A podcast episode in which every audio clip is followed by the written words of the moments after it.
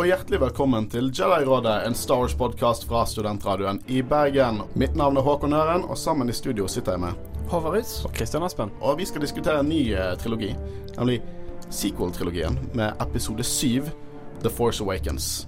Og dette er jo egentlig starten på en ny æra for Star Wars. Ikke bare når det gjelder canon og historie, men eh, produksjon også. For dette er den første Disney-styrte Star Wars-filmen. The Force Awakens er langt ifra den mest avanserte uh, Star Wars-filmen plottmessig, men det er så sinnssykt mye bak filmen. Det er 30 år nesten mellom episode 6 og episode 7.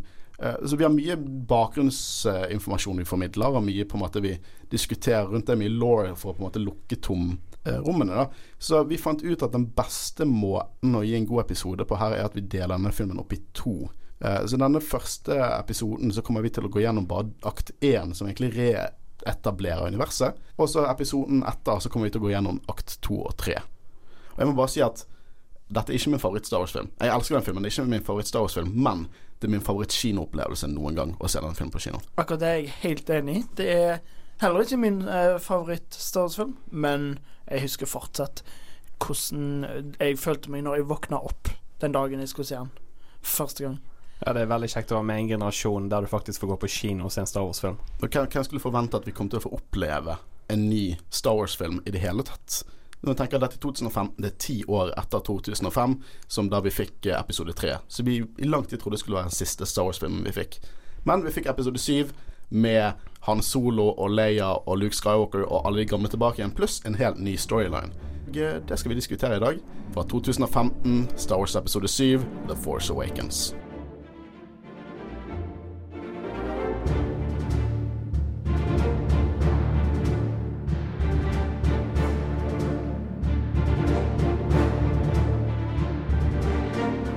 Jeg må advare om at dette her er en spoiler-podkast, så hvis ikke du har sett filmen, så må du slå av nå.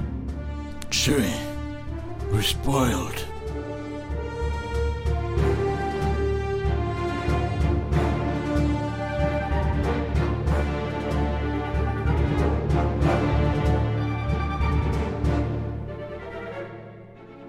Da skal vi begynne med en liten recap av akt 1, før vi igjen begynner å diskutere historien og canon. Filmen åpner med at Luke Skywalker har forsvunnet, og fra asken til imperiet har vi The First Order. Resistansen, ledet av general Leia Organa, sender hans beste pilot, Poe Dameron, til Jakku for å finne et hint om hvor Luke befinner seg. De håper at Luke Skywalker kan hjelpe Resistance til å få igjen få fred i galaksen. På Jakku får Poe en del av et kart fra Lore Santekka. Raskt etter ankommer First Order med Kylo Ren, som dreper landsbyboerne og tar Poe til fange. Poe har derimot lagt kartet i sin droid, BB8, som nå er på flukt på planeten. Ray er en skraphandler på Jakku som har overlevd der i mange år. Hun redder BB8 fra en annen skraphandler. Imens får Kylo Ren kunnskapen fra Poe av at kartet er en droide som fortsatt befinner seg på planeten. Imens tar en stormtrooper med navnet FN2187 og redder Poe. Han får navnet Finn, og de krasjlander på Jakku. Separert prøver Finn å finne nærmeste bebyggelse. På Nima Outpost krasjer Ray og Finn på hverandre og får oppmerksomheten til The First Order. De tar tilflukt i et gammelt skip, The Millennium Falcon, og kommer seg vekk fra planeten. I verdensrommet blir de fanget av et større skip. Et skip styrt av Han Solo og Chewbacca. Ray har inntrykk av at Finn er en resistansekriger, og vil hjelpe han å frakte droiden til deres base. De formidler dette til Han Solo idet skipet blir bordet av pirater som er ute etter Solo. Etter en konflikt som involverer cyborgs og rødlige Rathar-monstre, klarer de å hoppe i hyperspace ut av skipet. Millennium Falcon er endelig tilbake hos kaptein Solo. The First Order blir informert om at folkene de leter etter, er om bord på The Millennium Falcon.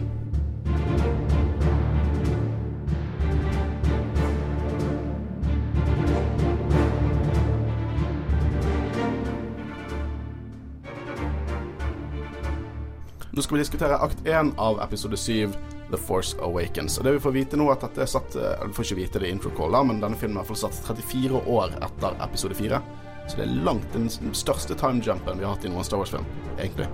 Eh, og vi får vite at Luke Skywalker har forsvunnet. Det ble sagt i intro-callen.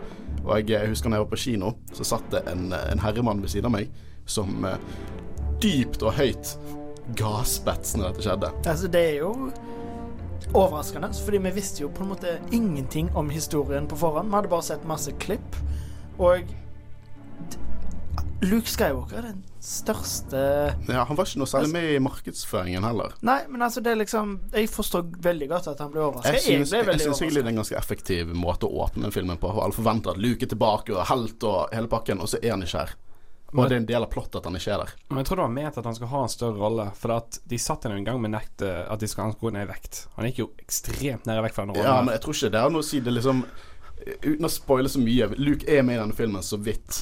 Men det hadde jo ikke vært noe effektivt om han sto der liksom så skikkelig out of shape ut og liksom bare Nei, Han, han må jo liksom være altså- tynn uansett. Jo, jo, jo, men altså, jeg tror han var påtenkt en mye større rolle enn det han fikk. Men når han først leste scriptet første gang, så var jo han Da hadde han denne rollen sin. jo, men en så stor film som dette, denne har sikkert gått gjennom flere ja, absolutt. rewrites. Absolutt.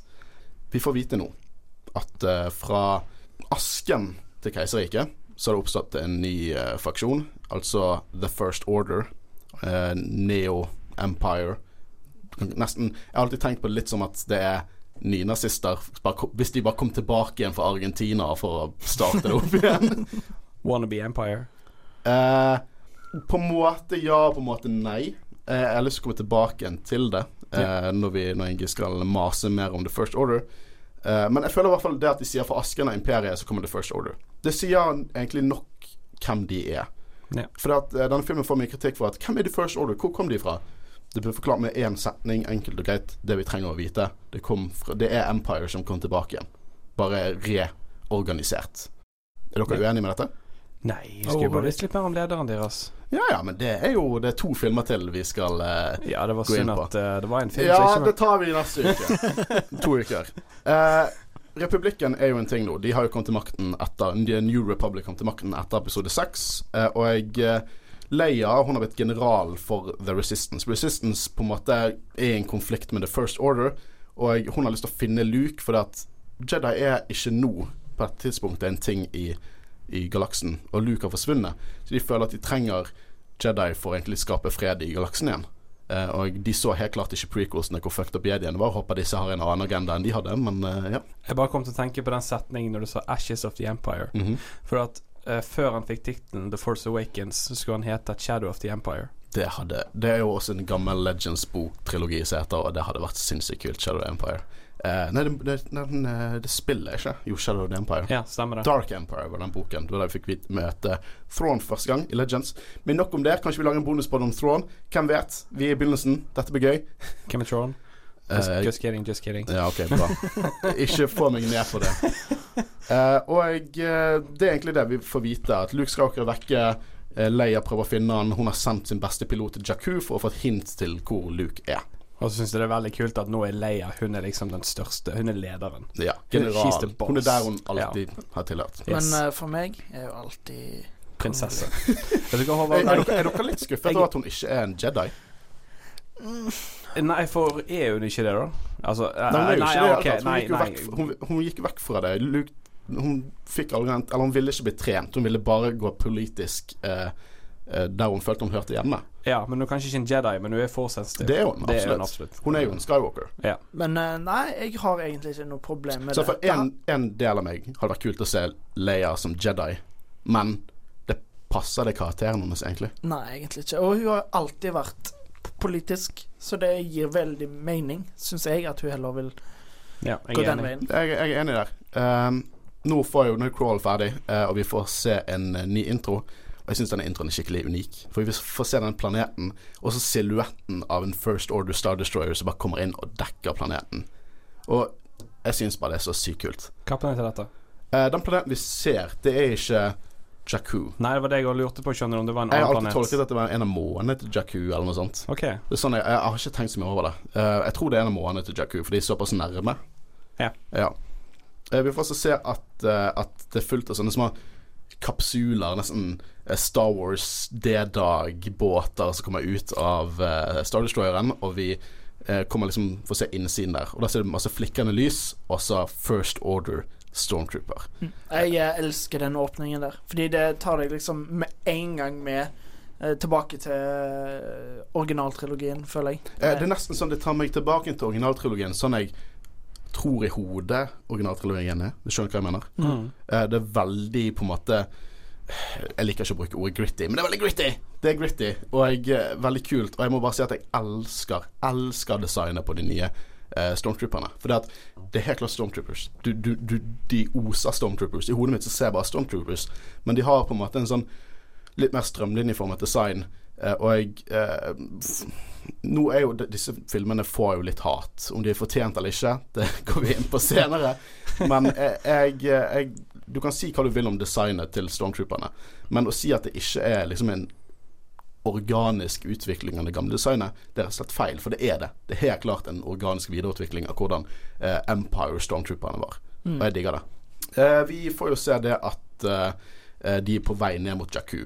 Og da får vi en eh, nytt eh, ny karakter, egentlig. Veldig mye karakter, for vi får se BB8.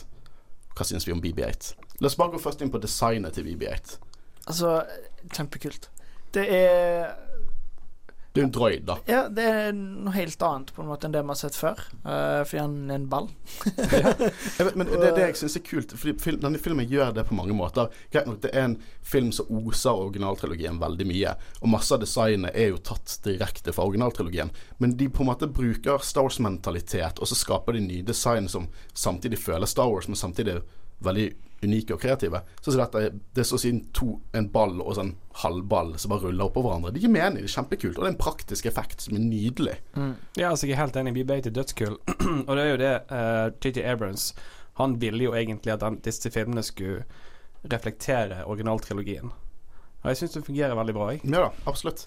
Uh, og jeg uh, Jeg syns dette er litt kult. Den meta-ting her. For det, det første personen som sier noe i denne filmen, er Laura Santeca. Eh, spilt av eh, Max von Dye. Der har du det. spørre Max at- von Sydow. Eh, Max von Sydow. Beklager. Ok, nei.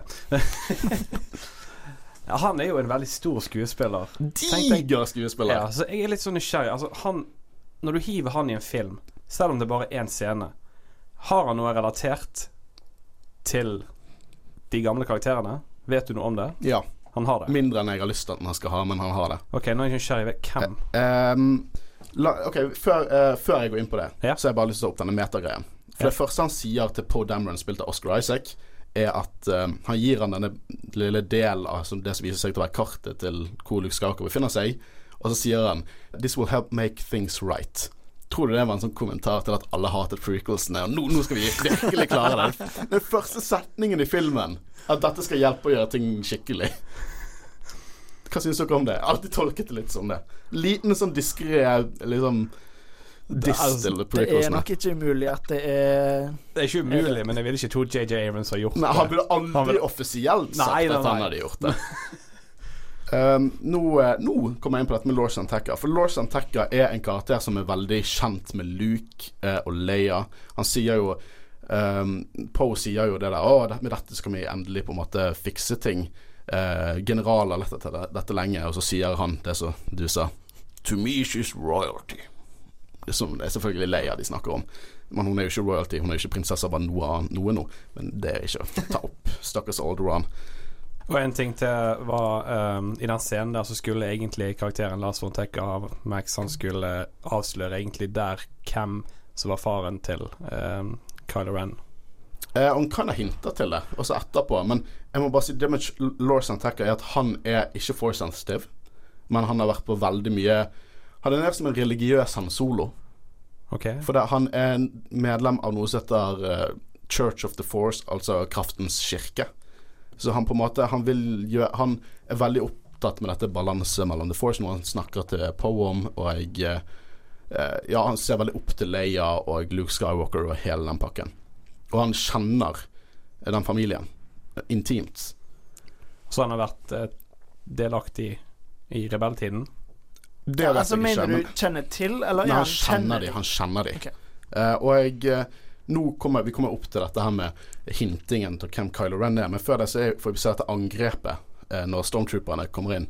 Uh, og nå, Håvard, det liksom denne, du har snakket litt om i prequelsene det at du liker ikke skip som bare flyr. Og alt det der. Og nå har vi sett så mange skip som bare flyr. Og vi får skip som flyr her også, da, men vi får liksom Du starter med eh, mye viktig historie, og så bare rett på et stormtrooper-infanteriangrep. Og du ser disse kapsulene lander, eh, og jeg, dørene smeller ned, og First Order Stormtroopers løper ut og begynner å skyte med blasterne sine. Eh, og det er veldig visuelt og veldig kult og veldig eh, praktisk. Jeg må si at blasterne i den filmen i noen annen Star Wars-film opp til det har aldri føles så kraftig og ekte som de gjør i denne filmen. Mm. De blastene føles liksom farlige ut. Vi, vi vet jo de farlige, de dreper jo, men før så det bare føltes litt som liksom pew-pew. Ikke gale, da, men spesielt i prequelsene. Der er det så veldig mye at du på en måte blir litt sånn immun mot det. Men her føles det liksom hvis du skyter der, så får du rekyl, og den blasten treffer noe og virkelig ødelegger det. Og så føler jeg at uh, Stormtroopersene for denne trilogien er mye mer effektive enn de gamle. Mye mer effektive. For Ja. du ser det allerede, de løper ut nå Ja, for disse folkene som bor i denne landsbyen, det er jo folk som har våpen å slåss imot, for det meste. Og de føles mye skumlere og effektive ut. Mm. Driver og roper ordre til hverandre og hele pakken, og det er veldig kult. Og jeg allerede føles det nesten mer Star Wars enn prequelsene gjorde. Jeg, jeg syns prequelsene føles som Star Wars. Det, til og med Phantom Menace. Det føles som Star Wars. Det skal de ha. Men dette er bare tilbake til form. Og altså, noe vi snakket veldig mye om eh, i prequels-sendingen, er jo at det har toneproblemer. At det føles ut som om det er lagd for unger. Men føles ikke sånn i det hele tatt. Det er, det er faktisk en krig. Mm. Og det er vel første gang vi faktisk ser blod i en Ja. Star Wars-film òg. Eh, For det som skjer, er jo det at um, Poe han prøver å komme seg unna noe. Han prøver å ta ut et par stormtroopers eh, mens han gjør det. Han dreper en, en stormtrooper, og så kommer det en annen stormtrooper og bøyer seg ned til stormtrooperen som nettopp falt ned, og så tar på en måte den døende stormtrooperen hånden over hjelmen til den andre, og så etterlater han blodig håndavtrykk. Eh, og det viser seg å være en annen hovedperson som er en stormtrooper, og det er også et veldig kult konsept. Det har ikke vi sett før.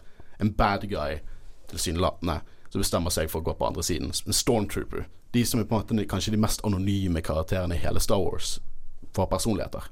Og det digger jeg. Nå er det også sånn Det er jo masse fanservice i denne filmen. Og igjen, jeg synes ikke, som jeg har sagt tidligere, fanservice er ikke nødvendigvis en gale ting. Det er litt gale når det er sånn som i prequelsene, som du så fint har forklart over. Men her får vi se en X-Wing, en ny X-Wing. Eh, den eh, neste, nyeste iterasjonen av en X-Wing. Ligner egentlig mest på en vanlig X-Wing, bare at den er litt, litt mer ja, strømlinjeformet design. Og så får du høre liksom musikk, og det, det er et Star Wars moment. Men det er jo litt sånn altså i forhold til det fan Det er jo fanfiction på en måte det at det er gamle Star Wars-fans som nå lager nye Star Wars-filmer. Ja, og bare det er canon, da. Så ja. Ikke våg å kalle det fanfiction. Nei, altså, jeg kaller det Til og med. Phantom Men, Menace er ikke fanfiction. nei, men da er det jo George Lucas som har skapt det. Men jeg bare tenker Jeg, jeg bare forhold til at det er jo fans av Star Wars-filmer som jeg vokser opp med de lagene og filmene, så da er det jo på en måte fanfiction. Ja, ja. Det er sant. Det er fan. Fiction. uh, og det viser jo også det at uh, nå er jo Poe på en måte prøver å komme seg unna. Klarer han ikke. Han legger dette del av kartet i BB8 og ber han om å stikke av. Uh, ja, han, gir, han gir dette del av kartet til BB8. Sånn ja, minner meg om en annen film der de må gi et eller annet viktig eh, MacGuffin til en droid som stikker av på en ørkenplanet. Jeg tror jeg vet. Kan det være det når R eh, Leia gir til R2D2? Ja. Oh, yes! Poeng til deg. Eh, det store likheten mellom denne filmen og egentlig hele originaltrilogien. Jeg ser på denne filmen som en stor tribute til både episode 4, 5 og 6. Det er masse likheter mellom alle de tre filmene.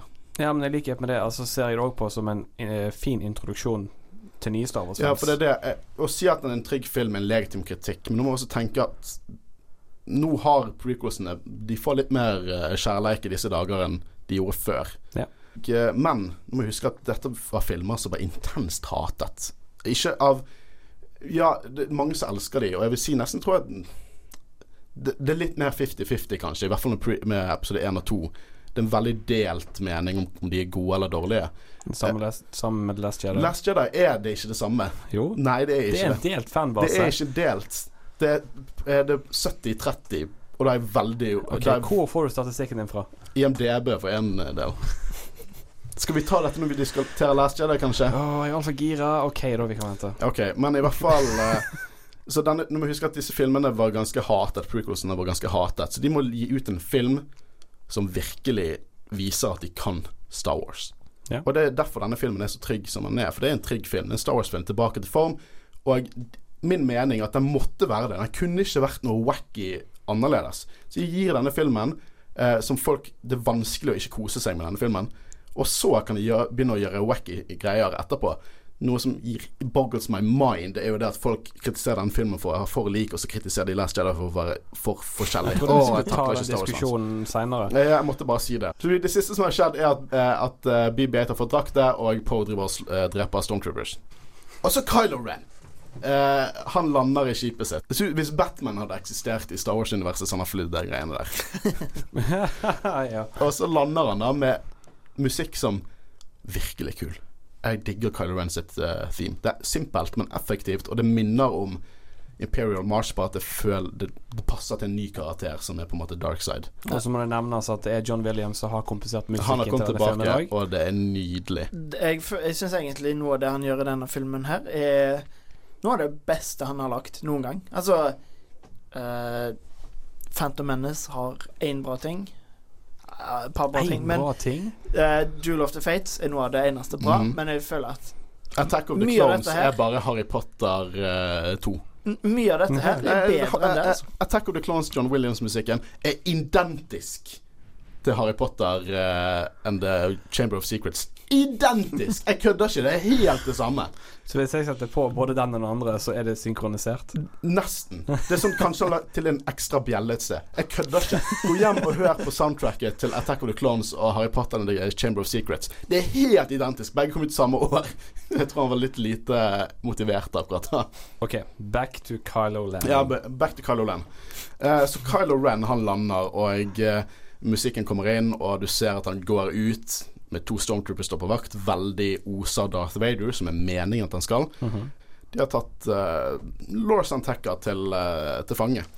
Kan vi snakke litt om designet til Kylo Ren? Hva syns dere om designet? Jeg liker det. Og det var jo en stor del av uh, markedsføringen òg, at du kunne se hvordan han så ut og Mm. alt med sånn. Og jeg liker det skikkelig godt. Det, folk sier jo at å, det er helt identisk til Darth Vader. Mm, Nei. nei. Nei, nei, nei. Ikke Nei. For, altså for det første, Han nei, det er maske, ikke det. er svart. Men det er òg meninga. Det er også meningen. Han er- jo tydelig Men inspirasjon fra det. auraen er med Darth Vader enn uh, Ja designet. da, designet er ikke likt i det hele tatt, men liksom det, Du ser hvem han vil være. Ja. Og, og det som er så kult her, er også sånn Designet bak masken er også veldig spesifikt designet. Sånn, uh, han har jo på en måte en visor, og de fleste visorer i Star Wars, sånn Boba Fett og Stormtroopers, er liksom eh, glass eller eh, plast, liksom. Ikke i universet, men proppen. Eh, mens her har de bare fòr, sånn at det ikke skal være gjenskinn i øynene. For det skal bare føles som et svart hull. Den er designet spesifikt for å skremme det shit ut av barn. Og den er nydelig designet av Michael Kaplan og JJ Abrams. Og jeg, eh, jeg syns den er virkelig unik. Den er blitt superikonisk, og jeg Jeg bare Jeg digger det nye designet her. Jeg, jeg digger det. det, det jeg vet ikke hvor mye jeg kan si på det, men det er bare skikkelig kult. Og lightsaberen hans. Hva syns vi om lightsaberen hans? Altså, til å begynne med så var de sånn Hva, faen er dette for noe? To uh, utstikkere? Hva, hvor kommer det fra? Ja, ja. Men uh, for så vidt For alle var Husker denne spøken som kom ut etter første teaseren? Så var det at det var to som skulle uh, To Jedi som slåss, og så hadde de sånne der Swiss Army Knife lightsabers. Men altså til grunnen så jeg har ikke noe imot det. Jeg synes det har blitt skikkelig kult. Det er Ja. ustabilt. Det, liksom, det ser nesten ut som en sånn motorsag, nesten. Det Det bare ser hjemmelaga ut. det ser hjemmelaget ut. Og det er den også. For det er grunnen til at den er så ustabil, og grunnen til at den har to ventiler, er fordi at han bruker en, en knekt Kyber Crystal som er ustabil. Så han har to, de to eh, liksom crossguardsene som går ut, egentlig ventiler for å på en måte opprettholde eh, kraftbalansen. Men de fungerer jo også veldig effektivt som ekstra våpen, altså vi får se senere at du på en måte kan saberlocke og stikke de litt i skulderen. Men jeg, det var én ting jeg egentlig hoppet over her som jeg har lyst til å diskutere. For det er The First Order. Jeg har lyst til å komme med en liten lore-dump om The First Order. Litt om bakgrunnen til The First Order, og hvor de kommer fra. Så ca. 18 måneder etter slaget over Endor i episode 6, så ble keiserriket offisielt slått i eh, kampen over Jakku. Jakku er den planeten vi er på nå. Det var last stand til keiserriket. Eh, kort sagt så hadde keiseren sine egne planer dersom han skulle dø. Og det begynte med en operasjon som het Operasjon Cinder. Eh, noe som vi faktisk ser i Battlefront 2-kampanjen. Den planen handlet egentlig om å herde keiserriket. Eh, fjerne svakt blod og bygge om dersom keiseren skulle falle. Som var en av hundrevis av sånne reserveplaner til Palpatine. Keiserriket samlet seg over Jakku for å så å si dø, egentlig, men å ta med seg The New Republic mens de døde. Dette var jo noe selvfølgelig bare de øverste var klar over. Spesielt da en gammel rådgiver til Palpatine som heter Gallius Rex. Eh, og Rex sin plan var å ødelegge planeten, og egentlig begge sider. Og de skulle gjøre dette ved å bruke Sith-objekter som var gravd ned på eh, Jakku. De skulle egentlig sprenge hele planeten. Men en annen Grand Admiral innenfor Empire het Ray Sloan, ikke Ray, men Re... Re... RAE. Eh, han, hun var egentlig veldig uenig i dette. her Hun stoppet Rex og reddet planeten. Krigen var offisielt over. Eh, imperiet var offisielt eh, slått. Men Ray tok med seg eh, resten av keiserriket, eller hovedsakelig resten av keiserriket, og, egentlig reiste til ukjent space utenfor The Outer Rim for å bygge opp keiserriket på nytt, i form av The First Order. Og i Outer eh, Rim, eller liksom Nei, i Unknown Space, så bygde de seg opp til å være en militær, eh, militaristisk stat under den første supreme-leaderen, Ray Sloan. Det vi ikke vet, er hvordan Snoke, som ankommer senere i filmen, er med i dette. Han, om han overtok organisasjonen, hvem han er, og hva som skjedde med Race Loan. Men målet til First Order er så å si målet til Keiserriket. Målet er å gjenoppbygge Keiserriket. Samme motivasjon. De har egentlig bare lyst, lyst å bygge opp legacyen til Keiserriket og gjøre det bra. Og det må bare si at det er en av de første tingene som Ray Sloan sier når hun skal på en måte bygge The First Order, er It's time to start over. This is our first order. To begin again and get it right this time. Interessant. Ja, altså veldig, veldig.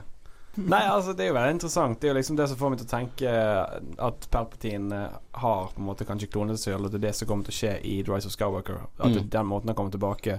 At han har vært Snoke hele tiden. Eh, det ja, vi, nesten så vi burde hatt en spekulasjonspodkast. Altså, jeg, jeg, Ja. jeg, jeg, er så bombesikker at Snoke har noe med Det er et eller annet med Palpatine der. Ja, for det er det. Når du, alt det du sa nå, får meg til å føle at dette her stemmer. Mm. Han har Elsker du Last Jedi nå? Nei, Litt mer? Sånn 2 Enten har- mer enn en, en tidligere. det. Shut up! Bitte litt. 0,5% 0,5 Nei, takk. Det er det jeg liksom tenker at Enten så har han manipulert Snoke, at han har vært Snoke hele tiden, eller at det er en annen Eller det er en klone. Men det, det virker jo merkelig at det er en klone, da, for han ligner jo ikke i det hele tatt. Mhm. Nei, det er sant. Man Ja. trenger kloner nødvendigvis å ligne. det- det kan det, det, er mye å ta inn der. Mye wacky shit fra Legend som kanskje ikke ta inn i Cannon. Ja, for det er ikke sikkert det er en perfekt klone. Sant? Det Nei. er jo Ja. Så, ja. Det- Veldig, det- veldig interessant. Jeg, jeg gleder meg veldig til Rise of Skywalker senere. Ja. Men tilbake til denne filmen. Vi, liker, Men, vi eh, snakker om alt utenom denne filmen.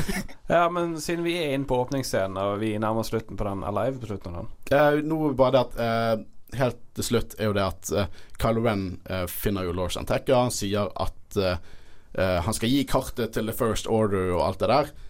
Eh, og så sier Lord Santekka noe som hinter til at Kylo Ren kommer fra en kjent og kjær familie. Han sier 'The First Order rose from the dark side. You did not'. Og så 'I will show you the dark side'. Bare stemmen og auraen og alt Kylo Ren er så sykt fett der. Og han dreper han.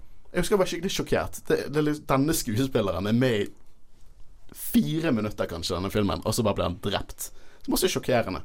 Og nå er det igjen det jeg snakket om med design til BB8. Det er litt annerledes her. For Kylo Ren bruker en force power som gir fullt og helt mening til etablert canon, men som jeg aldri tenkte over. For det Poe skyter mot han, og så stopper han blasten i luften og fryser Poe.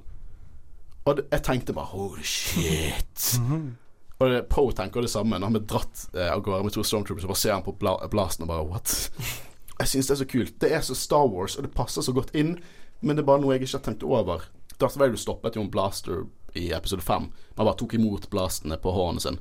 Men her stopper han det med The Force. Det er skikkelig kult. Jeg syns det er dritkult. Ja, jeg er helt enig. Eh, og nå eh, blir jo Po tatt eh, foran eh, Kylo Ren, og så kommer litt av sånn humoren. For denne filmen er, det er en god humor i denne filmen. Han begynner å Han har satt ned og så sier han sånn uh, So you talk, I talk. Who talk first? Ja, det er ikke sånn eh, Hva skal jeg si sitcom-humor, der liksom um, Meningen er at du skal le, men humoren er liksom indirekte. Ja, eh, og jeg- sånn jeg Det tolker føles det. mer levende. Ja. Ja, ja, og jeg liker også veldig godt Poe Dameron. Han føles som en litt mer ansvarlig Han Solo, kanskje. Men det er at jeg liker For jeg har alltid tolket det. Så når han sier det, jeg tolket det at han, det er hans måte å, å på en måte takle sånne eh, ting som dette her, da. For at han ser fortsatt dritredd ut, og han bare prøver å slappe litt av, eller på en måte komme seg litt vekk av det, realiteten av det som skjer nå. Men han ble jo tatt av The First Order, og eh, vi får se Captain Phasma.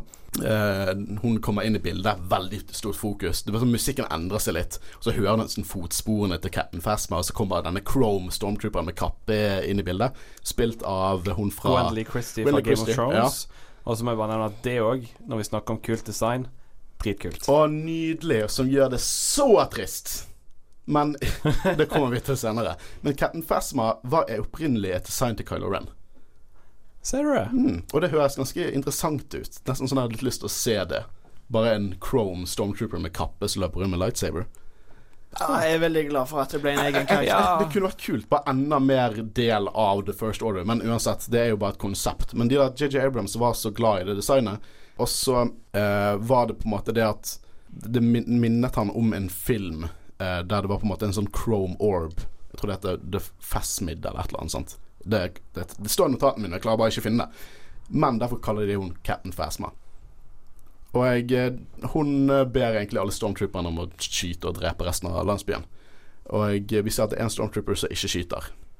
Mens Kylo Ren og alle går fra planeten, så ser Kylo Ren på den stormtrooperen, og så går han videre. Og det var den første konflikten, eller actionscenen i The Force Awakens, og alt om dette. Alt dette er kjempekult. Jeg syns Ja, det det er dritkult. Jeg liker hvor intenst det er. Til og med når den stormtrooper eh, Finn er jo det, som får liksom en sånn traumatisk Han stopper opp som det er midten av D-dagen og ser rundt seg, og så er folk som blir skutt, og stormtroopers løper rundt og skyter. og Det er skikkelig kult. Husker dere hva nummeret den var? FN, FN 2187. Ja, stemmer det. Men en ting til jeg har lyst til å ta opp i forhold til åpningsscenen, var at originalt så hadde jo de en scene eh, der eh, de skulle filme i space. eh, Luke sin lightsaber som fløyt. Med hånden hans, altså. Ja. Nei. Jeg husker jeg leste om Jeg leste om det i sånn 2014, og så bare nei!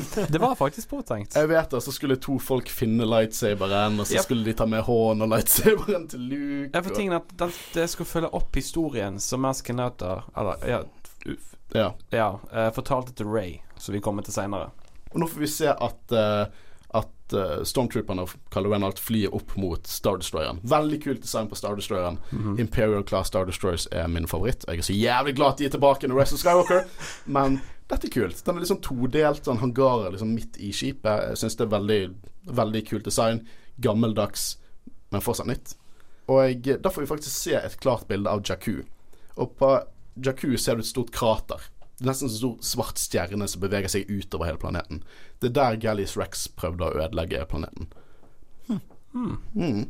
Interesting. Nei, jeg skulle bare nevne det at uh, i forhold til det at JJ Abrams reflekterte mye av originaltrilogien, så hadde han faktisk i tankene om at Jaku Jakku skulle være en isplanet i forhold til Hot i episode 5. Ja, det, det er liksom det. OK, så Jakku og Tatooine. Vi må nesten snakke om det. Altså, Vi har jeg- mye sandplaneter i Star Wars. Vi har det. Det er veldig mye sandplaneter i Star Wars. Det kommer en ny en i Rise of Skywalker også. Det Ja, for altså Før Um, det kom ut noe informasjon om hva planet folk så i første trailer når Jakku ble vist, De fleste så tenkte vel Tatooine. fleste tenkte at dette her var Tatooine, Mm. og mange ble sint fordi at Tatooine er så oppbrukt. Ja, og jeg Jeg Men føler er nesten at det er en av grunnene til at de valgte det. Fordi da lurte de folk. Det er sant. Og eh, da føltes det nytt allikevel. hmm. Men jeg har ikke noe imot å bli, gå tilbake til Tatooine. Jeg har lyst til å ta tilbake Ja, til Tatooine. Både det og Coruscant. Ja, ja. Uh, men eh, det er nå, nå, nå i ettertid Det er veldig lett å være etterpåklok på det, men Tatooine og Jakku ser ganske distinkt forskjellige ut. Egentlig. Det er Sander, ja, men Tatooine er liksom masse fjell og små busker og veldig på en måte Hvis du ser bare den scenen fra episode 6 når uh, C3PO og R2D2 går innover Tatooine, hvor egentlig er sånn oransje og ruglete og forskjellig det der, mens Jakku er liksom en ørken. Det er en ørken. Det er ikke et tørt område, det er en ørken. Så i ettertid så har jeg sett det er ganske distinkte forskjeller her. Men jeg skjønner jo, jeg, jeg trodde jo også det var Tatooine første gang jeg sa det. Rett før vi på en måte går videre, jeg, jeg liker å bare snakke om alt som er så kult og sånn. Men jeg også elsker designet av hangaren til Star Destroyeren. Alt er så naturlig progresjon av hva som er Empire. Også design. Du ser sånne kjempekule nye Tie Fighter-piloter løper forbi, og de tar med eh, Poe innover og skal fange han og sånn. Og så får vi en liten, bitte liten scene eh, med Fasma og Finn. For det Finn tar av seg hjelmen sin og puster og på en måte helt klart er påvirket av det som nettopp har skjedd. Og så kommer Fasma og sier Hvem sa at jeg fikk lov til å ta av deg den hjelmen. Høres, ok, jeg må bare innrømme at uh, når du sier det sånn, så høres det ganske sånn uh, Men Men det hørtes mye kulere ut når du sa det bare engelsk. Så ikke dere dubbelversjonen deres? Nei, nei, nei. Nei, men altså, hun har veldig kul Mye presence i, begynnelsen av filmen. Det har hun. Introduksjonen hennes når hun snakker med Finn. Det virker som hun er, han er redd denne karakteren. Og det er synd at hun er så jævlig dårlig brukt i denne filmen. Dette går ingen steder. Ja, det er veldig synd at hun har brukt så lite i Last Jedi, men Last Jedi, jeg, kan ikke beskytte henne i, Last Jedi engang. Det er det eneste Jeg kan ikke komme Men- mot argumenter. Bare tilbake. Hun har mer screentime enn uh, Boba Fett. Jeg vet det, men problemet er at Bobafett spilte større rolle til plottet enn det hun gjorde. Ja, det er greit nok. Ja, enig. Nå får vi kuttet fra den introen, og vi får faktisk møte vår hovedperson, uh, Ray. Uh, hun graver etter deler fra etter en av Star Destroyerne. Jeg tror hun er en Super Star Destroyer nå. Nei, hun er, jeg er litt usikker på det. Hun er i hvert fall en skraphandler på Jakku. Yes. Så det kutter til at hun er inni en gammel hangar til en ødelagt Star Destroyer og plukker deler. Og jeg liker stemningen. Det er bare ingen lyd. Du bare hører liksom at hun er i diger struktur, og hun bare tar tau og rappellerer. Er det et ord? Rappellerer. Rappellerer ned. Og jeg, eh, nå får vi bare se om hun med maske på det. Det som er kult med den masken, er at hvis dere ser på linsene, det er fra en eh, sånn keiserlig stormtrooper. Hun har helt sikkert bare funnet en hjelm, tatt ut linsene og laget sin egen maske ut av det. Stilig. Så eh, det er sånne små detaljer som virkelig gjør at det bebodde et bebodd univers, og at ting har skjedd her siden episode seks. La oss hive inn en fun fact her. Um, Daisy Ridley, Det er hun som spiller Ray. hun som spiller Ray, hadde konkurranse mellom tre andre veldig kjente skuespillere om den rollen. Og det var Saoirse Ronan, Elizabeth Olsen og Shailene Woodley og Jennifer Lawrence. Og det var fire. Beklager, jeg suger i matte. Jeg er så glad for at det var hun. Eh, For de har funnet litt ukjente skuespillere til å spille de to hovedpersonene, som helt klart er Finn og Ray. Og det støtter jeg. Det støtter jeg veldig godt, og det er veldig i uh, sjelen til originaltrilogien. Og egentlig til prequel-trilogien også. De å fi han ville ha mindre kjente skuespillere. Liksom Harrison Ford, han var the carpenter guy, liksom. Kanskje du bare kunne lese, Ja. sant? Eh, Stemmer det. Det var fordi han sleit med å få roller før i tiden, så han måtte ha et yrke òg. Eh, ja. og jeg, nå får vi min favorittmusikk fra sequel-trilogien. Ray sin musikk. Ja, Race Team. Nydelig. er helt enig. nydelig. Og hun rusjebaner ned. Eh, Jeg får så julestemning av Ray sin musikk, bare fordi at denne kom ut i desember, er sånn som tre ganger i romjulen. Elsker den musikken. Jeg syns det er virkelig John Williams klarer bare å overgå seg sjøl etter hver film som kommer ut. Og den scenen musikken spiller, og hun går på speederen sin, og så flyr hun forbi, og du ser et krasjet Star Destroyer i bakgrunnen. Det, Det er skikkelig kult. Og altså, nå har vi jo du nevnt nå at det var et stort slag på Jakku og alt mulig sånn. Men det visste vi jo ikke når vi så den filmen. Det man antok det litt, da. Selvfølgelig. Men altså, vi visste ikke alt rundt det. Fordi Det det gjør det enda kulere, for dette er sånn law som kom ut etter filmen, Mm. bare for å på en måte lukke igjen litt hølet. Uh, og vi får se noe som uh, en outpost heter Nima Outpost, oppkalt etter Nima the Hut. Og det er mye av eh, Ralph McQuarrie-design, han som designet mye av originaltrilogien sin design. Han designet også eh, prototyperustningen til Bobafett og mye forskjellig her. Og det er mye design brukt i sequel-trilogien generelt, og spin-off-filmene, fra hans originale design. Eh, spesifikt denne Dere ser en sånn veldig ikonisk port der.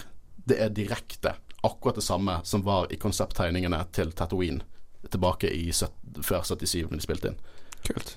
Mesteparten av det vi ser her, er praktisk. Nesten som at filmskaperne flekser litt med liksom proper kostymedivisjoner. Eh, det er sånn Du har liksom en sånn liten fugl som hakker på metall. Så det blir fugl som spiser metall en sånn svær nebb. Du har liksom en sånn stakkars dude med to robotarmer, og han har en backstory.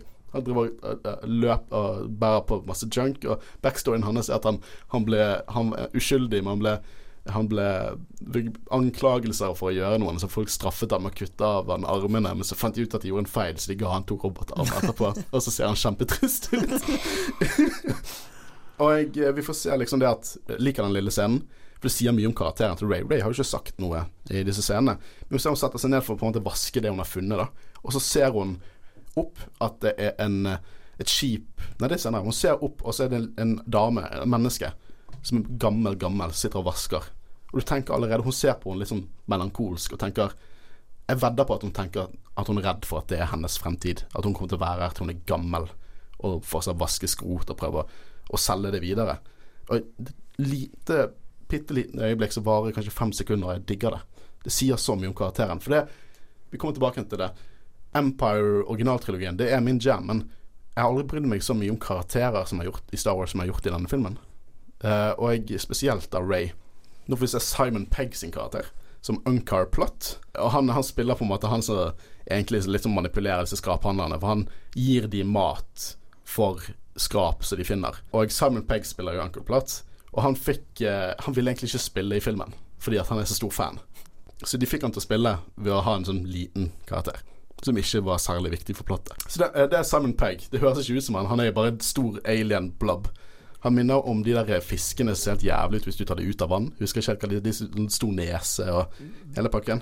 Men han er jo en mega Star Wars-fan, så han hadde Ja, lyst ja. på en cameo av en eller annen slags. Så, Ja, eh, han er sånn Jeg bare syns det er så morsomt, for det er litt sånn som jeg tenker. Hvis jeg hadde vært skuespiller og spurt meg om å være med i Star Wars, så hadde jeg vært litt sånn eh, Jeg har lyst til å nyte det som fan. Jeg har ikke lyst til å være med i produksjonen. Og nå eh, får jo hun porsjonene sine, og jeg, hun får lite porsjoner, det her klart. Mm, Ganske mm, nedtrykkende livet hun lever. Eh, Hun drar tilbake til hjemmet sitt, som er en gammel 8080 som ligger på siden, som også er veldig kult. Og det er veldig mye sånn formidling av hvem denne karakteren er i propsen og alt som ligger rundt der nå. Var ikke det meningen da vi skulle se eh, to Eller de der som stikker opp fra Jar, skjeletter?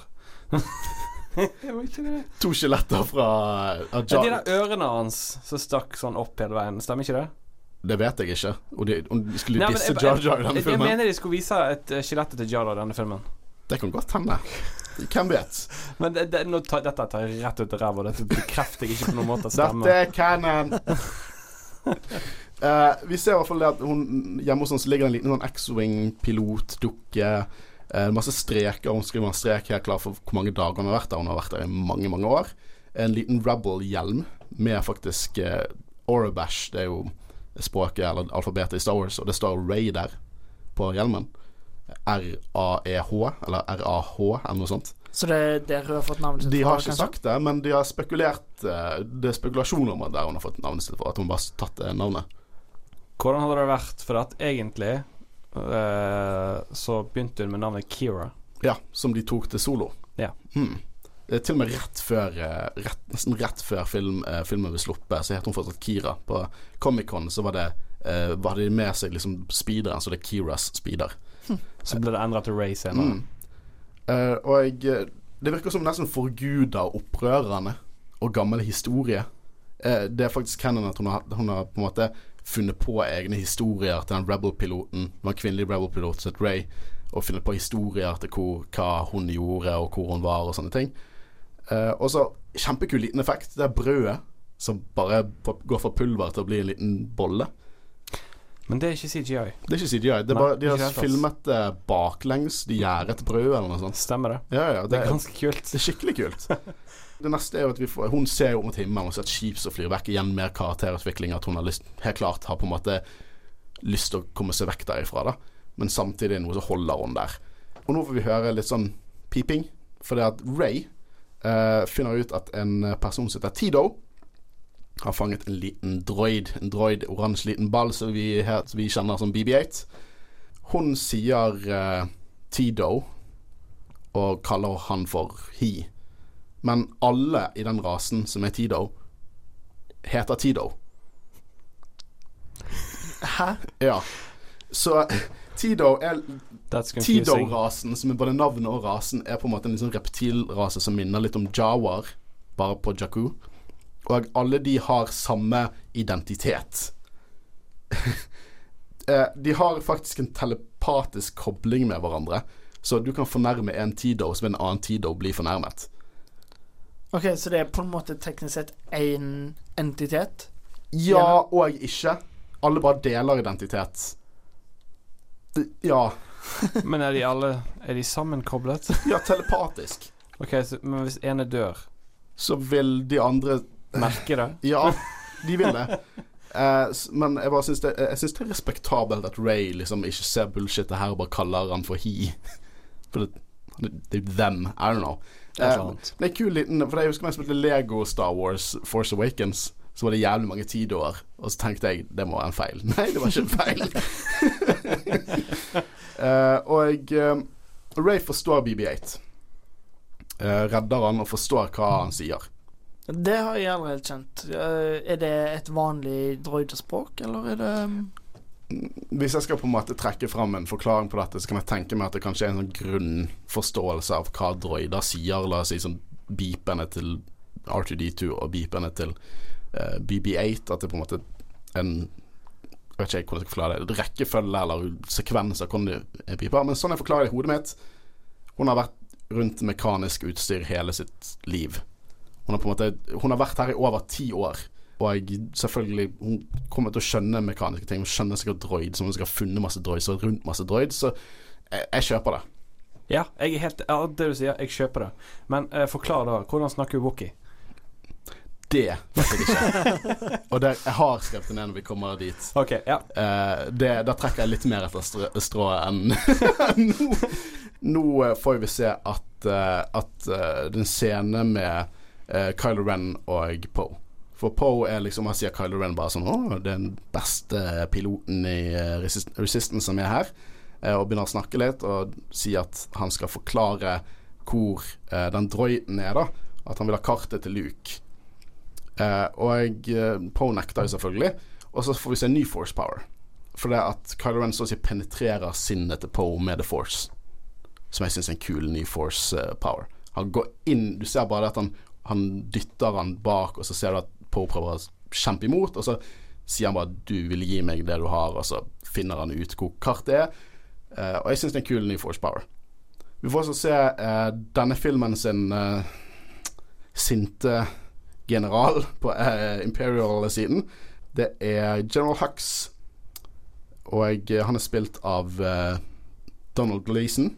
Dom, Don, Domhnall Gleeson. Donald Gleeson. Unnskyld, men sa du Hux eller Hugs? Jeg sa Hux. I believe he's tooling with you, sir.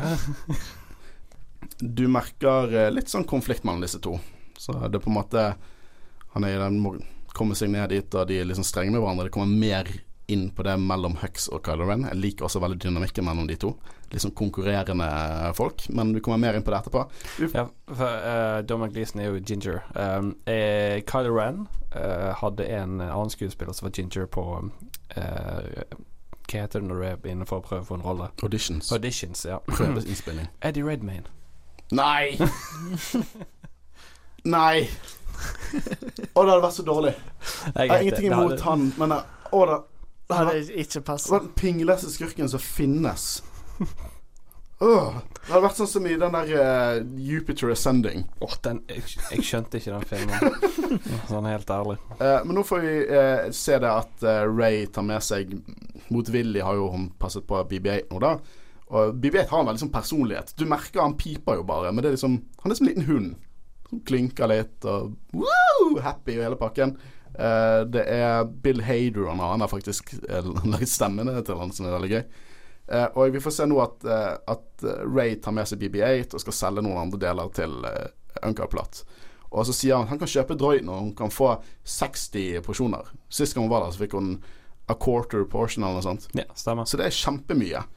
Har han fått vite fra First Order at Nei. Det, eller, det- det, det, kan argumenteres, men det tror jeg ikke. Så han bare vil ha droiden Ja. fordi han Jeg vil nå tro de har lagt ut at hei, vi er på jakt etter den droiden. Det, det kan, For det er jo flere dusørjegere som sikkert ja, det, er, det kan jeg tro. Det kan Mm. jeg absolutt tro. Jeg har bare tolket det som at han eh, Han får jo bare masse skrap, og nå får han en relativt pristine droid der som han kanskje har lyst på, men det, jeg kan kjøpe at det, eh, First Order allerede har lagt ut en bounty på det. Og det jeg liker at du ser godt på Ray Det er veldig mye sånn som ikke er sagt, men sier mye om karakteren, at hun vurderer det. Men hun gjør ikke det. Vet du hva dette sier meg? Nei. Hun er ikke en gal eh, slavehandler som som Luke Skywalker. Sant? Så de kan ikke være i slekt. Nei.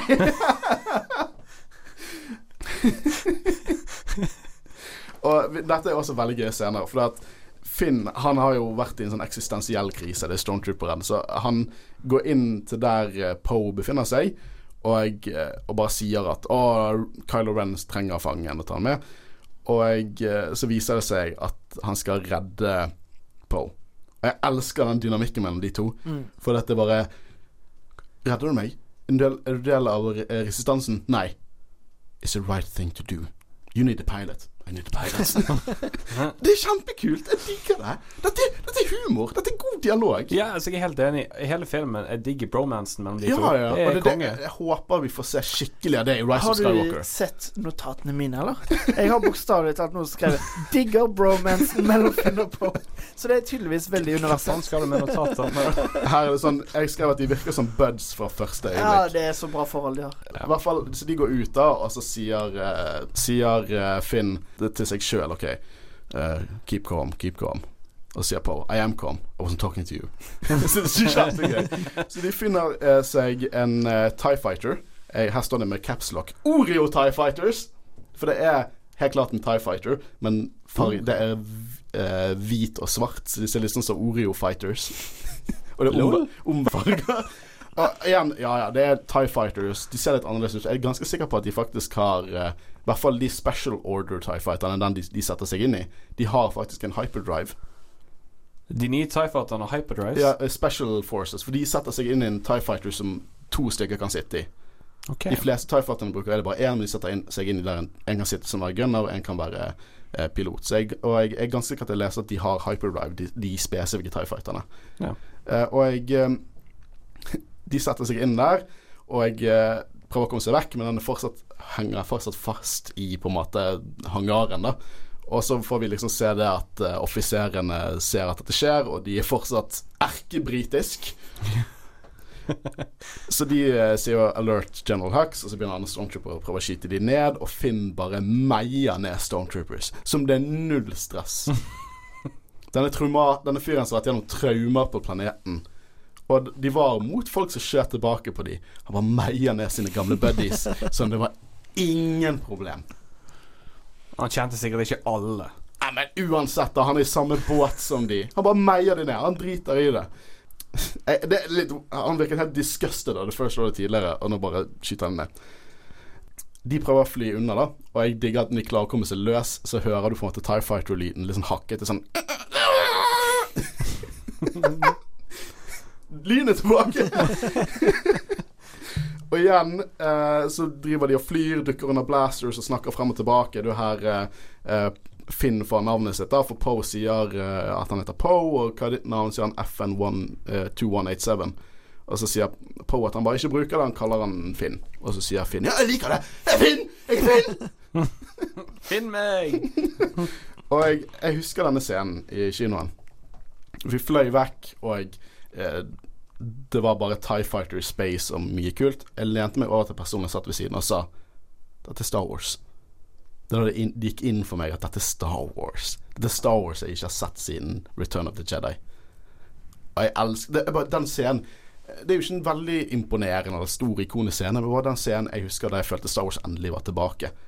Og så sier bare Color Ren F12187. Og vi så tidligere på Jakku at han stirret på han. Ja, han er jo, han er jo The Force, som er etablert. Men jeg tror også en annen ting her. For at Kylo Ren, som sin bestefar Darth Vader, er veldig respektert av Stormtroopers. Fordi at han er alltid der på frontlinjen. Han kjemper med dem. Han gir ikke de bare ordre, men han er der. Og mye av i den tegneserien som heter Age of Resistance, en Kylo Ren-historie, der han hele tiden masse paralleller mellom han han og Anakin Skywalker. Helt klart mye Anakin i han. Eh, og jeg, da kan en, ja, han kan sende Jeg vet ikke om han kan sende seg at det er han som har gjort det, eller at han bare har full oversikt over hvilke stormtroopers som er med han når han er ute i krig, og han har merket at denne personen oppførte seg litt annerledes. Men jeg, jeg syns det er kul detalj at han vet hvem det er. Nå får vi se Hux og Fasma som driver og diskuterer dette, da. Uh, og jeg, eh, de to har et ganske etablert forhold i Cannon, som er veldig fordypet i boken Fasma. For hun hjalp han så å si å få den makten han har nå. Eh, og vi får liksom litt innblikk i hvordan The First Order Stormtrooper fungerer. Men i hvert fall vi får se bilde av baby Finn på et hologram. Og det som er deal er at First Order de har ikke kloner. Det er ikke vanlig rekruttering. De kidnapper barn som de trener opp til å bli krigere. Så det er også mye hjernevasking og sånn eh, recognitioning-snakk som høres veldig mørkt og dystert ut. Fasma hadde jo faktisk sånn ekstreme høye forventninger til Finn, ettersom at han var en av de bedre lærlingene hun hadde trent opp. Hun er jævlig skuffet over dette og føler liksom intenst hat mot Finn nå. At, eh, Finn og Poe de blir truffet eh, av disse granatene, og så faller TIE Fighteren mot eh, Jakku. Og eh, Finn våkner opp alene, ikke sammen med, med Poe. Og eh, finner kommer seg bort til TIE Fighteren. Poe er ikke der, bare jakken hans. Og så synker X-Wingen ned i sanden, nei, TIE Fighter ned i sand- og sprenger. Skikkelig praktisk eksplosjon, sånn at jeg nesten er nervøs for skuespillet. Igjen back to form her, altså. Og vi får se det at han ser, ser seg rundt og vet ikke helt hvor han er, og du får se en liten svart prikk bak på ryggen til Stormtrooper. Og så bare tenker, for dette her er jo filmet på location. Er de i Kalahari-ørkenen? De er i Litt usikker. Du er production guy. Ja, jeg tror de er i Kalahari-ørkenen, som er i uh, Namibia, i eh, rundt Sør-Afrika. Uh, og tenker deg i det outfitet Hvor forbanna varmt det må være! ja. Men tilbake til den prikken. Uh, Jeg er veldig Jeg vet ikke om dere har tenkt på den, rød, den svarte prikken før. Svart prikk? Ja, på bak på Stormtrooperen. Altså på selve drakten. Ja. Stor, rund, svart prikk på hvite bakrustningen. Og sorry. det kan være masse ting. Det kan være sånn For du vet Stormtroopers hadde på en måte sånne små connection-greier. At du kan ha backpacks og på en måte ga de mer Sånn jetpack? Ja, for eksempel. Eh, power outage, hele pakken. Men eh, jeg alltid trodde at det var en liten referanse til uh, Legends. Fordi at jeg leste en tegneserie, det var ikke Canon nå, da, men det var det før, som bare satt 137 år etter filmene, som het Star Wars Legacy. Og der var det nye Stormtroopers, og de Stormtrooperne hadde en svart prikk, veldig lignende sånn som First Order Stormtroopers, på rustningen sin. Mm. Så jeg har alltid tolket det som en liten referanse til eh, Legacy Stormtrooperne, som First Order Stormtrooper er basically Legacy Stormtroopers, bare i canon. Så det er en kul liten detalj. Jeg vet ikke om dette er faktisk det de tenkte, men det, det matcher ganske bra. Veldig fascinerende. Mm. Og jeg, eh, nå eh, finner jo Finn Nima Outpost. Han på en måte tar av seg rustningen, går gjennom sanden, eh, og til slutt ser han Nima Outpost. Og så kutter det til Hux og Kylo, som prøver liksom å skylde på hverandre. Eh, de på meg Nei, din feil. Nei, din feil. Å, du har mer lyst Du må være forsiktig hvor mye lyst du har på uh, dette kartet og Luke og alt det der. Uh, og Kylo kommer med en liten diss som også bekrefter veldig godt det vi snakket om i Attack of the Clones i forhold til klonetroppere og Stormtroopers. Sier han kanskje Snoke burde vurdere å bruke en klonearmé. Og så sier Hux at hans tropper er designet fra fødsel og totalt lojale og hele pakken, og hvordan våger du? Eh, som er også en kul liten ting. Da har du på en måte noen referanser til prequelsen også. For det, min største kritikk til denne filmen egentlig er at eh, jeg føler den ignorerer litt prequels. For også canon, liksom ta det med. Og hver gang jeg ser små referanser til prequelsene, så syns jeg det er forfriskende. Og det dette er en liten referanse til prequelsene. Ja. Nå eh, er jo på en måte Finn på Nima Outpost som går bort til en sånn stor gris begynner å drikke vann. Ja, og det er eh, Den er kalt eh, Happa Boar, tror jeg. og det tok eh, fem eh, statister til å få han til å operere. Ja, han er praktisk og diger. Eh, Men vi får se at to folk prøver å stjele BB-8 fra Ray. To folk som helt klart jobber for Uncar Plot. Eh, og vi får se at hun ikke har noe problem med å banke de opp med staven sin. Og så kommer jeg opp til dette temaet. Er Ray and Mary Sue? Hæ? Er Ray and Mary Sue? Aldri tenkt over. Så forfriskende. Så forfriskende. Hva er det Mary Sue betyr? Det er liksom en jente som bare klarer alt, har ikke noe problemer med det er liksom, hun, har bare, hun har bare alle ferdighetene hun eh, trenger å ha, uten at det på en måte er forklart eller trenger en forklaring. Altså, når hun bor på en sånn en outpost Nettopp! Hun må jo lære seg å Nettopp. eh, Ja, altså- kjempe litt. Hun er jo selvtrent. Ja, selvfølgelig er det. Så hvis ikke hun hadde vært opp til dette her, så hadde hun dø. Hun har ikke vært med i filmen. Fordi at hun har bodd der i over ti år på en Mad Max dog eat dog-planet. Så for å svare på spørsmålet ditt, ja. Jeg kan se det. At hun er Mary Sue. Eh, ikke, eh, ja, Nei, men Mary Sue i for- den forstand at det er på en måte negativt, da. At hun bare klarer alt. Ingen forklaring. Hun er bare en perfekt karakter. Fordi at, og uten at det er noe grunnlag for at hun skal være en perfekt karakter på den, på de, på den måten med eh, erfaring og Nei, uten å tenke over erfaring. At hun bare Hun er bare en perfekt karakter. Men vi viser jo her i settingen at det er en grunn til at hun har de ferdighetene hun har. Mm. Så jeg ville ikke kalt henne Mary Sue, for det, det er, jeg kommer ikke på bekostning av plottet. Nei, altså hun har jo trent alt dette sjøl. Ja, ja. Ja, ja. Uh, og så bare for, for jeg forventet at dere skulle være uenige med meg, så jeg har lyst til å få dette ut. Så la oss si Ray er 19 år i denne filmen. Det vil si at hun har vokst opp på den planeten i sikkert over ti år, for vi ser flashbacks fra hun var barn, godt under ti. Eh, så hun har vært fra barn til ung voksen, har hun levd alene på den planeten. Man Max-planet, alle må kjempe for å overleve. Man dør fort om man ikke takler det. Eh, hun har selvfølgelig lært seg overlevelsesskills når hun lever alene. Sikkert ikke første gang hun har vært i en slåsskamp heller. Hun, dere merker jo hvordan hun har med seg denne staven og skulle redde BB8 og alt det der. Mm. Um, og nei, hun er ikke lik Luke i det hele tatt. Luke bodde komfortabel med to foreldreroller. Han prater om i New Hope at han ville dra og kjøpe noe gøy på Toshi Station. Ray har ikke det sånn i det hele tatt. Hun er alene i latterlig farlig miljø og har lært å overleve. Liksom, dersom, dersom hun ikke taklet dette, så hadde hun vært, vært død nå. Det eneste tilsynelatende likheter det mellom de to, er at de bor der det er sand. Og at foreldrene ikke er der. Ja, foreldrene ikke er der, men Luke sine foreldre er jo kinda der. Ja. Han har blitt oppdratt fra baby til liksom Jeg, jeg skjønner ikke. Jeg tror egentlig mye av den kritikken Ray får, uh, det er bare fordi folk ikke liker jenter. Oi! Vi gikk der. Wow, vi gikk der, ja. Uh, men jeg bare, faktum at hun fortsatt lever når filmen starter, viser at hun er en overlever. For ellers, hvis hun har vært en person som ikke taklet det, så har hun ikke vært med i filmen som hun har vært død for lenge siden. Men siden du er inne på det, altså det var jo mange, tror jeg, som trodde at John Boyega skulle spille hovedrollen i denne filmen her. Ja. Det, de gjorde litt sånn i markedsføringen. Ja. Uh, men det eneste jeg kan kritisere Ray for, da karakteren Ray for, er at hun burde vært en mye mer hardbarka og kald person pga. miljøet sitt. Ikke så wide-eye og At hun ikke skulle være så sympatisk. Så Nei, uh, liksom Tenk dere at dere har på en måte levd på en så eh, hostile miljø over ti år. Liksom Nesten hele det viktige delen av livet ditt hadde vært for at du skulle overleve fra dag til dag. Du hadde ikke blitt en veldig sympatisk eh, person, liksom. Altså kommer litt an på Er det noen som kan ha hjulpet deg i løpet av de årene vi ikke følger henne? Eh, det kan, det er jo godt mulig, men hvem vet. Hvem vet? Det er jo akkurat det. Så det kan jo være at hun har fått litt hjelp underveis mens hun har vært på Jakku. Det, det kan godt hende, det virker som hun har på en måte vært alene, sånn som hun bor og alt dette her. Men uh, jeg, jeg tror fortsatt hun Det er eneste kritikk. Det plager ikke meg. Hun kunne vært en litt, litt hardbarka karakter i forhold til det.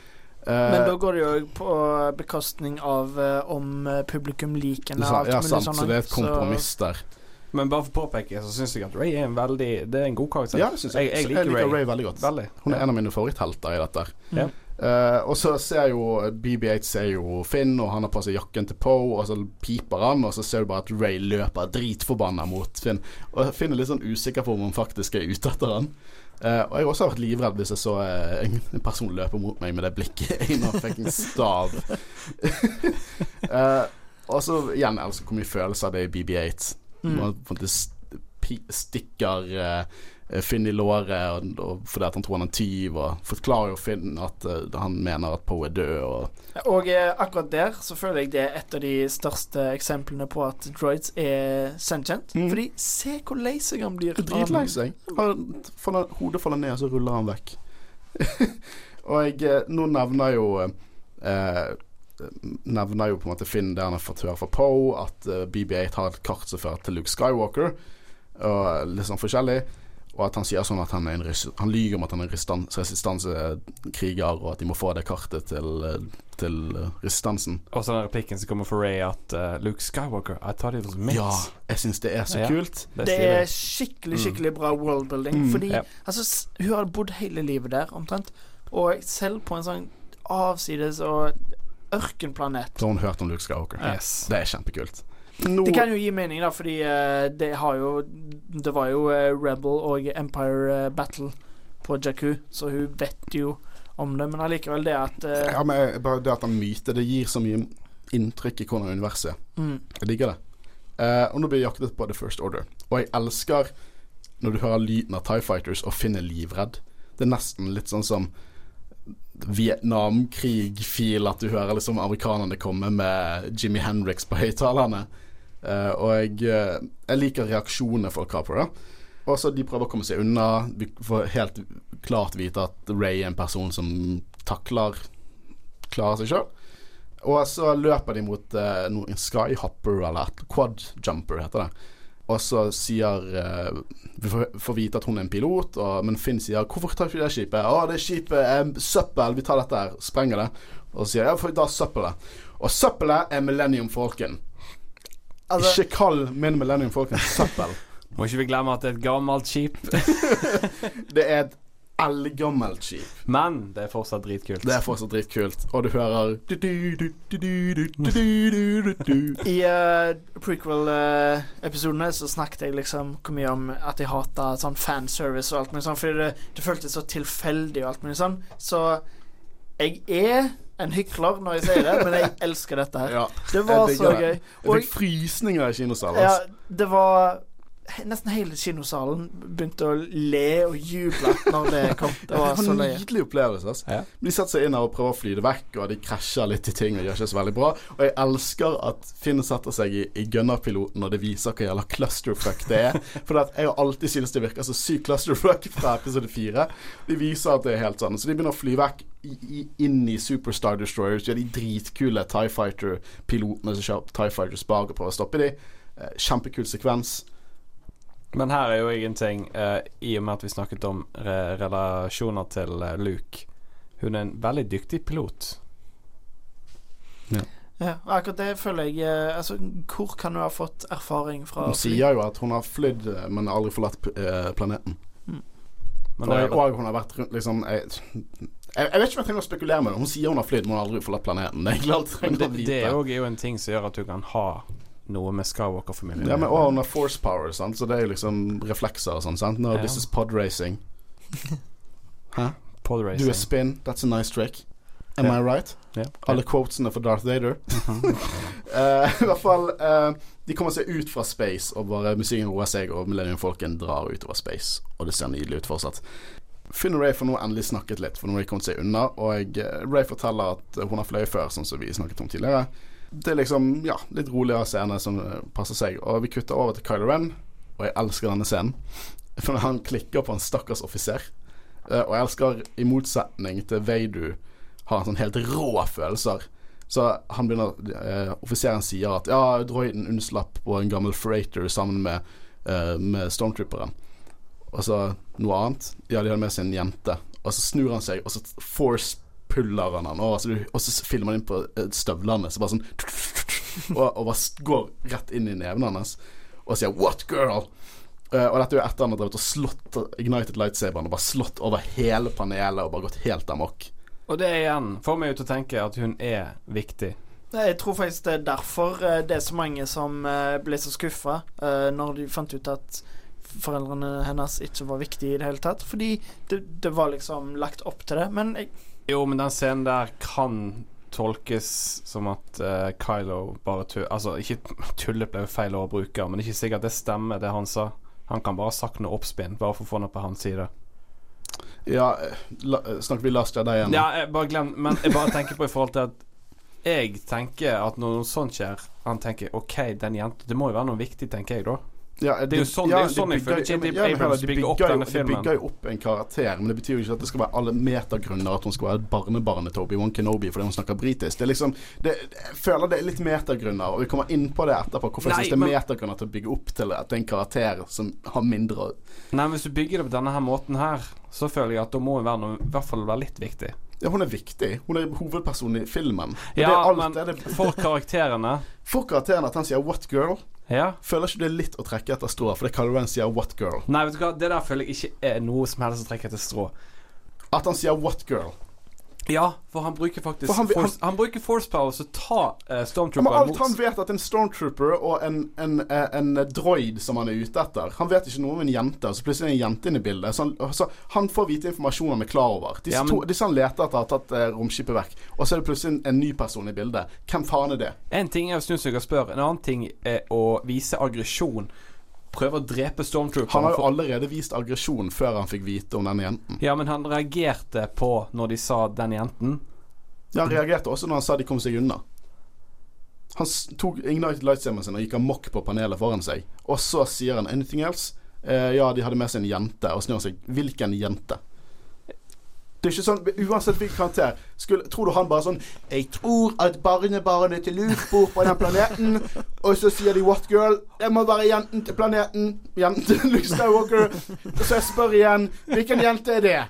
Håkon, uansett, jeg er uenig. Jeg mener at når de gjør det på den måten der, så bygger JJ Abrams opp til at hun er en viktig karakter som ikke Hun er en viktig noe for karakter. Ryan Men hun trenger ikke bety noe, bety noe for universet i forhold til legacy-karakterer. Ja, hun er en viktig karakter, men du følger storyen. Det er akkurat som å si Hvem var, hvem var Shmi Skywalker sin far? Hvem var Cleeg Lars sin far? Alle trenger ikke ha en kobling, men mer om dette. Nei, alle trenger ikke ha en kobling Men synes men ikke det- dette å bygge opp Han, sier, han, vet, han får informasjon om at det er en person involvert som han ikke visste hvem var. Så spør han hvem er denne personen. Det, ja, med, det er kun metagrunner som får deg til å tenke at dette, denne, dette må være en kjempeviktig datter av en eller annen karakter. Kjempeviktig, har jeg aldri sagt. Ok, Så hvis det er datteren til han er fyren med dårlig skjegg i episode 6, da, eller Nei, okay. fra eh, Skjeggfuren fra Phantom Menace Det er liksom sånn Hadde det gjort at du likte det bedre? Jeg mener at scenen utspiller seg på en sånn måte der jeg tenker OK, denne jenten er noe som vi kjenner til fra de forrige trilogiene. Det tenker du kun fordi dette er Star Wars. Hvis det er hvilken jeg, tror- Vent litt, Håvard. Nå må du hjelpe meg. Snakket ikke vi om Star Wars nå? Jo, men eh, Nei, men det er kun Det, det, det er metagrunner. Hvis det var hvilken som helst annen film, sikkert en annen serie, du sagt What Girl, så tenker du sånn Ja, hvem er hun? Hun er hun. Ok. Det er jo ikke Hun må ikke være adoptivdatteren til Mace Windu for at det skal være viktig. Nei, nei, det er ikke det jeg sier. Eller er det er Adoptivdatteren til Mace Windu. Jeg, jeg synes, Den var artig. At han sier 'wet Girl det, Jeg synes absolutt ikke at det betyr at hun må være viktig blod fra en annen familie i Star Wars. Jeg Jeg tenker at når han legger opp den scenen på den måten, så jo. det hele dealet er bare at publikum Hvem er denne personen? Vi har fått sett ti minutter av den personen, og det bygger opp at hvem er hun? Og du får vite hvem hun er, er at hun er en Force Catalyst. Det er hele deal, Det er tittelen til filmen, The Force Awakens. Ikke se på meg på den måten. Jeg tror vi egentlig skal legge diskusjonen så flat at vi er uenige, og Ja. bare gå videre. OK. Jeg vet ikke om Håvard har noe innspill. Nei, jeg føler vi bare går videre. Jeg. Eh, vi må ta Det er sånn som dette her kommer det til å være under hele innspillingen av The Last Jedi. Jeg kødder ikke. I hvert fall. Noen paralleller til Darth Vader her er at Darth Vader, hvis han hadde fått vite dette, så hadde han bare rolig force choket, kanskje han hadde sagt en pønn eller to, mens Kylo Ren bare trekker han til seg og roper 'What girl?' Ikke mer om What girl, Christian, men det er bare en kul parallell. Men Han har skikkelig sine problemer. han har sine ja. problemer. problem. Eh, Altså, det er snakk om å ødelegge utstyr for hvor mange hundre tusen? Ja, men Nå eh, er jo det den scenen med at eh, Finn og uh, Ray De prøver du finner ut en gas leak på Millennium Falcons, de prøver å fikse det.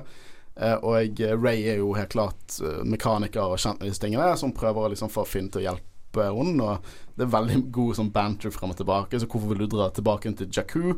Venter du på en kjæreste? En søt kjæreste? None of your business. Kjempegøy. Og så um, sier hun 'hvor er basen?' Og så vet jo ikke han hvor basen er, for han er ikke resistant, som overtaler BB8. Og så må vi ikke glemme den replikken til Finn rett etterpå. Why does everyone go back to Jakku? Det er liksom sånn at uh, Ray kommer opp igjen, og uh, han prøver har avtalt BB8, og Ray, Ray kommer opp igjen og sier 'Hvor er det, da?' Og så ser Ray på begge to som han er en dilemma hvem han skal svare. Og så sier han Alenium System til Ray, og så tar Finn en thumbs up til BB8, og så tar BB8 en thumbs up i en sånn liten lighter tilbake igjen. Jeg lo så jævlig første gang jeg så det. Fra et humoristisk synspunkt er det den morsomste scenen i filmen. Det er nydelig! Det er som rart at jeg snakker med mange som trodde han viste fingeren. Nei, det er konge. Uh, jeg bare, BB8 er så søt, og jeg elsker humoren. Nå får vi se Det er godt å se innsiden av fol- folkene igjen. Den ser veldig skitten og enda skitnere ut enn jeg noen gang har sett. Stor forskjell mellom Solo og dette her, ass. Men nå eh, blir jo de tatt av det de tror er First Order. Det er en stor hangarskip som bare sånn sluker de. Alt ser ut som en hvalhai. Så de finner ut at de skal slå på gassen igjen, for at eh, Stormtrooper-hjelmer filtrerer røyk, men ikke gass. Så de tar ned De tar med disse der gassmaskene som eh, de brukte i episode fem for å gå ut i eh, magen til den or eh, ormen. Det er han Solo og Leia. Det er de, de maskene de bruker. Kult. Ja, og så setter det i gang. Og så hører vi bare sånn masse dører som åpnes, og så kommer det to personer inn. Han og Chewie. Og så sier han solo Han is back, baby!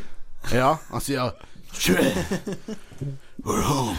Å, det er så kjekk scene. Trailerscene. Å, oh, Og det var der og eh, stakkars Harrison Ford greide å brekke beinet sitt. Ja, men det er verdt det. Jeg syns glad han er her. Ja. er glad. Liksom, jeg må si at Harrison Ford, som han solo igjen her, stråler. Det, det er så bra. Jeg elsker Harrison Formel de siste årene før dette så har han litt uh, tatt paycheck-jobber, for å si det sånn. Mm.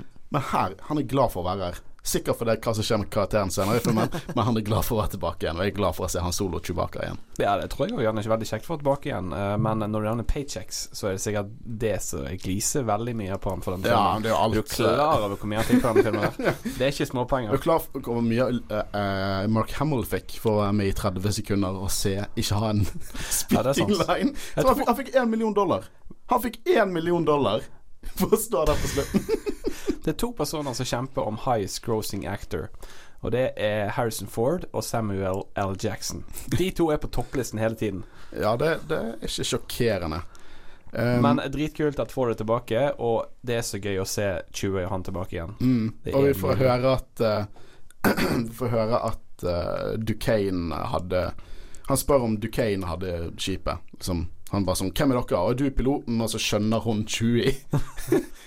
Ja, nå kan hun få lov til å Ja, forklare. Hvordan i all verden snakker Dette er nesten like dårlig som når du sier 'What Girl' er en god grunn for at uh, vi skal vite hvem hun er. For det er sånn jeg Hvis jeg virkelig må forklare det. Forklare det. Jakku er multikulturelt. Nå trekker vi strå. Ja, så kanskje hun har vært i nærheten av Wookies før. Det var det. Bare det gir, det gir altså, mening. Jeg Wookiees. kjøper den teorien. Wookies, wookies på Jakob Wookies er overalt. I Ja. Star Wars, i Darth Vader-komikken så er det en, eh, en Wookie som er en ond Wookie som er bounty hunter som jobber med Bobafett som heter Black Kuranstan? Kuranstan. Black, Kuran, Black Kurastan. Black Rastan. Et eller annet. Okay. Og det er litt kult, for det er Bobafett og han er som onde paralleller til han Solo og Chewie, men mer om det senere. Så Ikke det er sånn hun har lært wookie? Ja, vi vet jo ikke, men Nei, nei, du, Håvard likte det. Altså, det ja, jeg syns det var greit, jeg. Ja, takk, takk, takk. Uh, og jeg, uh, Duquesne er en som han tror at Duquesne Var det spurt om Duquesne hadde solo? Nei, det var uh, Irvin Boy stjal det, og Uncle Plot stjal det fra de igjen. Men Duquesne var en sånn kid som han solo tok under vingen og viste en grad på en måte stolte på, og så stjal han skipet, basically. Det er ikke så mye der. Han solo litt flau over det. At han på en måte stolte på det. Og så kommer jo til den scenen Eller samme scenen, da, men Ray sier jo This is a ship that make the Kessler run in 14 parsecs. 12! Yes. 14. Uh, og jeg elsker også den scenen vi spør sånn Han Solo er ikke det opprørergeneralen? Altså Ray ser på han som sånn berømte smugleren. Og så spør eh, Finn Chewie om han Var ikke han en krigshelt? Og Chewie sånn ja. Elsker det. Uh, og jeg eh, eh, De snakker jo gjennom at den droiden bare er et kart til Luke Skywalker. Uh, og da stopper jo han Solo helt opp. For han Solo bare sånn Finn en pod til de og ta de til nærmeste bodde system. Og så Vi har kart som er til Luke Skywalker hele pakken. Så stopper han opp når han hører Luke. Uh, som et veldig fint øyeblikk, og bare sier ja, han kjente han. Og jeg Hele denne pakken. Og det er jo her du hører dette her med at han forklarer litt om før hendelsen. Eh, The Force Awakens, der Luke bygget opp en ny Jedi Order. Uh, visste dere forresten at uh, Peter Mayhood Han var ikke Chewbacca i denne filmen? her Han var delvis Chewbacca. Han var delvis, men han Alle sittende roller så er Chewbacca, Ja. så er han. Mens han Men går, så er det Jonas Stotomo, eller hva han heter. Yes, en basketballspiller. Ganske høy fyr. Mm. Uh, for det at han har jo litt vondt i beinet sitt, han uh, stakkars Peter Mayhood. Hadde det. Så, men han tok jo fullstendig over rollen i neste film. Men ja. Det er kult, men det er kult at han er med den siste, den siste gangen han var med, så spilte han Chewbacca i ja sequel-trilogien. Nydelig. Ja, det er det. Eh, I hvert fall, de, de snakker eh, om at eh, Vi snakket om at eh, han eh, De snakker om at droiden har et kart Luke Skywalker. Luke stopper opp, alt dette her. Eh, og de ble avbrutt av at At de ble bordet, basically. Eh, og jeg Han Solo er redd for at en, av en Rathar har sluppet ut, og så blir Finn kjempenervøs. Har du Rathar her? Eh, og jeg sier ja, jeg har uh, Rathar som går til King, King Prana. Elsker worldbuilding. Dette er sånn originaltrilogien, bare at de sier shit. De bare sier shit og forventer at det var sånn Ja, OK, det er en konge som vil ha Rathar som et type monstre. Um, og Det som er litt kul med Rathar Jeg er ikke glad i scenen med Rathar, helt ærlig. Det er den scenen jeg liker minst med den filmen. Men det som er kult med dem, er at de er nær slektning av Sarlacc. Oh. Mm. Ja, ja, for at, ble ikke det hinta til i filmen at det er en veldig farlig rase? Ja, livsfarlig. Snakk om en sånn massaker der til, eh, til Ray. For Ray er jo basically publikum. Hva er Rathar? Hva er dette for noe? Alt dette her. Nå er jo det at eh, det kommer to grupper med pirater inn, som er eh, The Guavian Death Gang. Altså masse cyborg-soldater og en skotsk fyr. Eh, og så Det var også et konsept, et design som skulle være Kylo Ren sitt design. De røde med sånn sirkler på ansiktet. Siden du nevner pirater, så vet jeg jo at det er noe som har uh, en rolle i uh, Klonekrigserien. Og vet ikke om det er Rebels òg, men er disse her kjente grupper fra noen av de seriene som er Nei, i filmen? ja, dette er nye nye grupper Det er nye grupper. denne filmen. Ja. Og så er det på en måte de vil ha pengene sine tilbake igjen, at de stoler ikke på Han Solo. At du kan ikke snakke deg ut av dette, her, du, du har ingen sted å være i denne galaksen. Litt sånn kommentar på at Han Solo blir gammel. Og så sier han ja, du, vi hørte du også lånte 50 000 for Kanji Club. Og tell that to Kanji Club. Alt dette her. Så kommer Kanji Club, som er spilt av uh, disse folkene fra The Raid. En cameo fra de folkene fra The Raid. Uh, og de spiller en sånn type De er noen sånn pirater som hele tiden prøver å Lederen er den som drepte lederen sist gang. Og hele tiden prøver å gjøre det. Så det virker som en ganske ustabil gjeng. Og han Solo har lånt penger av disse her for å eh, fange Rathars, og han hadde større crew, og faktisk er Lego Star Wars-spillet. Alle de sekvensene i Lego Star Wars Force Awakens som ikke var med i filmene, regnes som canon, faktisk. Bare at det ikke er Lego-humor og sånn. Så i det spillet så spiller du som han Solo Chewbacca, der du på en måte prøver å fange Rathars, og du ser at crewet ditt sakte, men sikkert dør.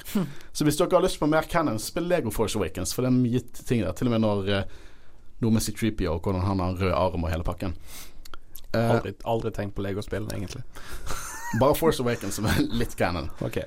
Nå er jo det at uh, Ray prøver jo De gjemmer seg, og de uh, folkene fra Graven Death Squad sier at uh, det er At First Order leter etter en droid som BB8 står der framme, og to fugitives. Og uh, de prøver å snakke seg ut av det. Ray prøver å lukke dørene og stenge de ute, men hun åpner dørene til Ratharene, så det blir en stor sånn Indiana Jones-esk kamp. Jeg har aldri likt det. Han, Det føles så masse goofy. CGI, litt goofy. Uh, en ting jeg liker, er at uh, Harrison Ford Han Solo gjør en sånn ting at han løper, og mens han løper, så slår han ut en pirat og bare kaster han inn i Ratharen, som er veldig sånn Indiana Jones-moment. Og så akkurat idet hun åpner, så bare han sånn uskyldig Uh-oh. A bad feeling about this. uh, og uh, Chewie blir skutt. Jeg får alltid vondt når jeg hører Chewie skrike. Og så skyter han Solo en fyr med den bowcasteren til Chewie bare sier wow. uh, og så ender det med at de, alle de kommer seg uh, Hopper fra lightspeed fra skipet ut av skipet i lightspeed. Og jeg liker hvordan han Solo og sånn herre det var ikke sånn jeg forventet at denne dagen skulle gå, og hele pakken. Masse kul banter-dialog der. Jeg digger det. Eh, og nå er det litt roligere øyeblikk, for de, de hopper inn i, i space.